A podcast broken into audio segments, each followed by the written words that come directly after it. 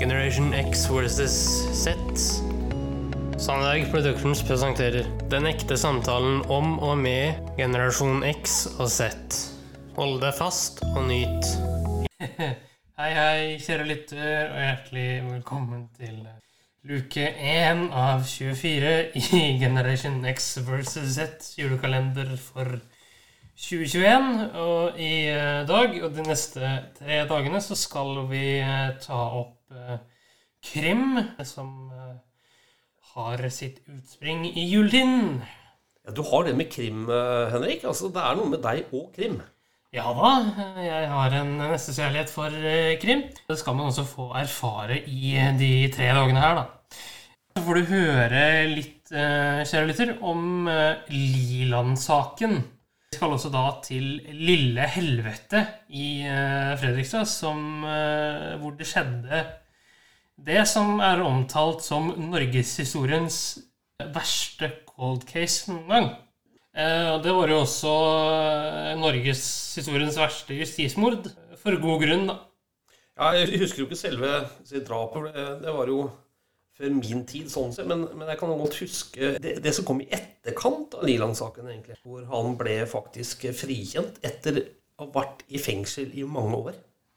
Men jeg er veldig spent på hva klipp du har der, Henrik. For Liland-saken er enormt stor. Jeg har eh, fire klipp som er henta fra en eh, livesending av en podkast som ble sendt eh, borti gamlebyen eh, her vi sitter, i eh, Fredrikstad-området. Skal jeg kjøre klipp? Kjør klipp, du. Yes.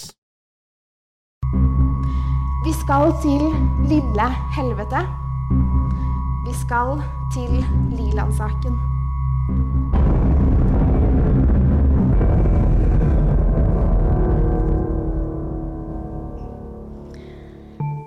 Historien starter i Glemmengata 73 her i Fredrikstad. I Glemmengata 73 bor Jon Olav Larsen. Det er formiddag. Klokken er 10.45 på selveste julaften den 24. desember 1969. Så dette er et par år siden. Folk er hjemme og pynter, lager julemat, kanskje pakker inn de siste pakkene. Fredrikstad politikammer får en melding om et dobbeltdrap. De rykker straks ut til åstedet. På veien til Glemmengata 73 påtreffer politiet tre menn. Deriblant Per Christian Liland, som skal ha stor betydning for denne saken.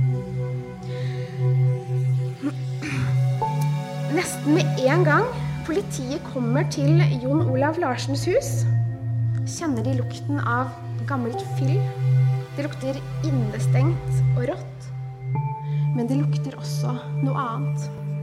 Det lukter metall, altså blod, og forråtnelse. Det betyr bare én ting. Her har noen dødd. Det visste jo politiet på forhånd. Men jeg tror ikke de var forberedt på akkurat hva de skulle se. Inne i huset er det ganske mørkt. Gardiner er trukket for. Det er fullt av gamle sprit- og ølflasker, sigarettsneiper, matrester, søppel. Det er også blod overalt. Blodet har sprutet på både vegger og tak. Men mest blod er det rundt to menn som ligger inne i huset med åpne hodeskaller. De to mennene er Jon Olav Larsen og Håkon Edvard Johansen. Ifølge obduksjonsrapporten som ble utført den 27. desember 1969, var hodene til begge to knust på flere steder. Begge hadde knusningsskader i både høyre og venstre tinning, og store hakk i hodeskallen. Som f.eks. fra en øks. Noen av hakkene var så kraftige at skallebenet under huden hadde sprukket helt ned til hjernen. Hva hadde skjedd her? Og hvem hadde klart å drepe to ganske kraftige karer på et så brutalt vis? Var det én eller flere gjerningsmenn? Før vi går videre, syns jeg det er viktig å gå litt nærmere inn på hva slags sted dette var. Glemmengata 73. Det var nemlig ikke noe vanlig, koselig hus hvor en hyggelig familie bodde med barn og lykkelige mennesker. Glemmengata 73 ble kalt Lille helvete. Kanskje passende for et så brutalt dobbeltmord. Huset var kjent i nærmiljøet. Faktisk ganske godt kjent i hele Fredrikstad. De var knyttet til det tunge rusmiljøet, hvor det florerte såkalte verstinger. Det var ofte fyllebråk, høy musikk hele natten, slåsskamper. Folk spydde og urinerte i hager og på gaten utenfor. Det var faktisk et skikkelig helvete. Politipatruljer var ofte innom huset. Enten for å be de som oppholdt seg der, om å være stille, og rydde opp i fyllekrangler som eskalerte, eller for å se etter ettersøkte kriminelle som kanskje gjemte seg der. Og de som gjemte seg der, eller bare oppholdt seg på adressen, var kjente kriminelle, eller såkalte fylliker, om det er lov å si. Tilbake til julaften 1969. Politiet kontakter en lege, slik at han skal kunne erklære de to personene døde. Nå var det jo ikke noe tvil om at Larsen og Johansen var døde. Dels pga. de store hodeskadene, og dels fordi de tydeligvis hadde vært døde en stund. Jeg vet ikke hvor mange av dere som har sett døde mennesker før. Men de som har sett det, vet hvor kritthvite de blir i huden. Nesten blåaktige. De får såkalte dødsflekker etter hvert. Og når det går lang nok tid, begynner f.eks. fingre, tær, nesen, kanskje ører å bli misfargede. Nesten blågrønne. Nå hadde ikke den prosessen startet hos Larsen og Johansen. Men legen som ble tilkalt, ankom åstedet i Glemmengata 73 ca. klokken 12. Dvs. Si én time og et kvarter etter at Fredrikstad politikammer fikk melding om dobbeltdrapet. Når en lege kommer til et åsted, er det først og fremst for å konstatere og erklære at døden har inntruffet. Han eller hun, men i dette tilfellet var det en mann, en lege ved navn Mikael Frestad, som for ordens skyld var allmennlege. Doktor Frestad sjekket etter vanlige vitale tegn som puls, pust og at pupillene ikke reagerte på lys.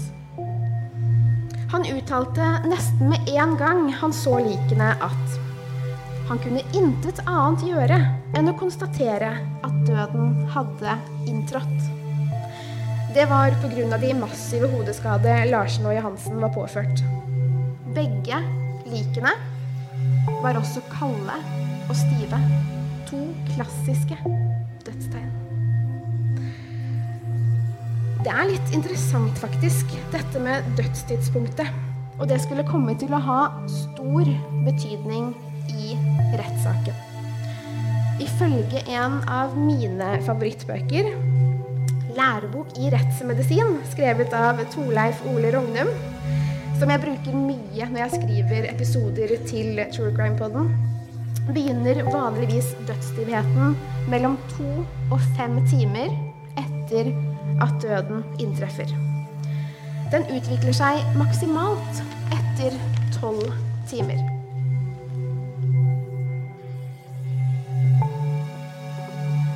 Det er nemlig veldig viktig for en lege på et åsted å måle temperaturen på liket, så sant det ikke er tatt opp av iskaldt vann eller ut fra et brennende hus.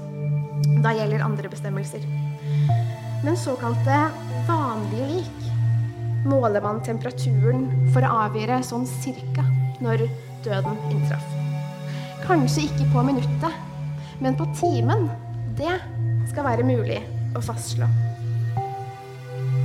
Det er så viktig å få rett dødstidspunkt. For det kan få alvorlige konsekvenser i f.eks. en straffesak. Og det var det som skjedde i denne saken. I Fredrikstad politikammer sin første rapport, skrevet den 25. desember 1969, står det at doktor Frestad synet de avdøde klokken tolv foregående dag, altså dagen de ble funnet, og konstaterte at begge to var kalde og stive. Legen antok derfor at døden hadde inntruffet foregående kveld, altså kvelden før de ble funnet, som vil si lille julaften. Han foretok ingen temperaturmåling av likene. Er likene kalde og stive, har de vært døde i mellom 8 og 36 timer, men ikke mer enn 36 timer. Hadde legen gjort en temperaturmåling, hadde man visst nesten på timen når de to døde. Den 29. desember fylte legen ut en rapport som heter 'Legeerklæring om dødsfall'. Og i rubrikk nummer 14, som handler om dødsårsak, skriver legen 'huggsår i hodet'. Men ikke hvor mange eller hvor dype de var. Legen fyller videre ut skjemaet som for ordens skyld var standard rutine for både mistenkelige og såkalte naturlige dødsfall. Skjemaet er det samme uansett alder og dødsårsak. Og i rubrikken 'Omtrentlig tid mellom sykdommens begynnelse og døden' skrev legen øyeblikkelig. Det skal nevnes at sykdommen i Larsen og Johansens tilfelle var øks mot hodet. Legen skriver også at omtrentlig dødstidspunkt var lille julaften eller julaften. Det vil si, han vet ikke. Han gjetter. For han tok jo nemlig ikke temperaturen på likene. Ja, wow. ja. Interessant. ja da. Eh, hva får vi vite eh, i morgen? Er det en fortsettelse, eller hva tenker du? Ja, i morgen så kommer del to av fire. Eh, og da får vi vite litt ettervirkningene av det som skjedde. Hva tenker du at legen ikke tar temperaturen, eller gjør eh, godt nok arbeidet? Nei, altså, eh, Det at man ikke tar temperaturen på lik rett etter at man har dødd, det virker jo for meg veldig suspekt. Her jeg sitter Jeg har bare to spørsmål når det gjelder det. Det ene er Hadde legen tatt temperaturen dersom mordet hadde vært i et annet hus? Og hadde han også tatt temperatur på et annet tidspunkt? For Ja, det var jo i jula. Han ja. ville sikkert hjem. Ja, eller eh, det kunne vært en annen bydel også, for så vidt. Eller en bydel. Det blir bare spekulasjoner, dette her, da, men Ja da. Eh, Men, det eh, er jo Ja, ja. Det er jo et cold eh, case, eh, som sagt tidligere. ja. Og det kan være også, sikkert andre grunner også. Eh, Men eh, vi skal ikke Nei, det er ikke noe vits å dvele ved det. Nei. Eh, Dette er spennende. Jeg bare gleder meg til i morgen, Henrik. Det blir bra. Andre. Tusen takk for at du fulgte oss. Eh, Gi gjerne tilbakemelding, likes eller kommentar på Facebook-siden vår Generation X versus Z. Velkommen igjen til neste podkastepisode. Hei då!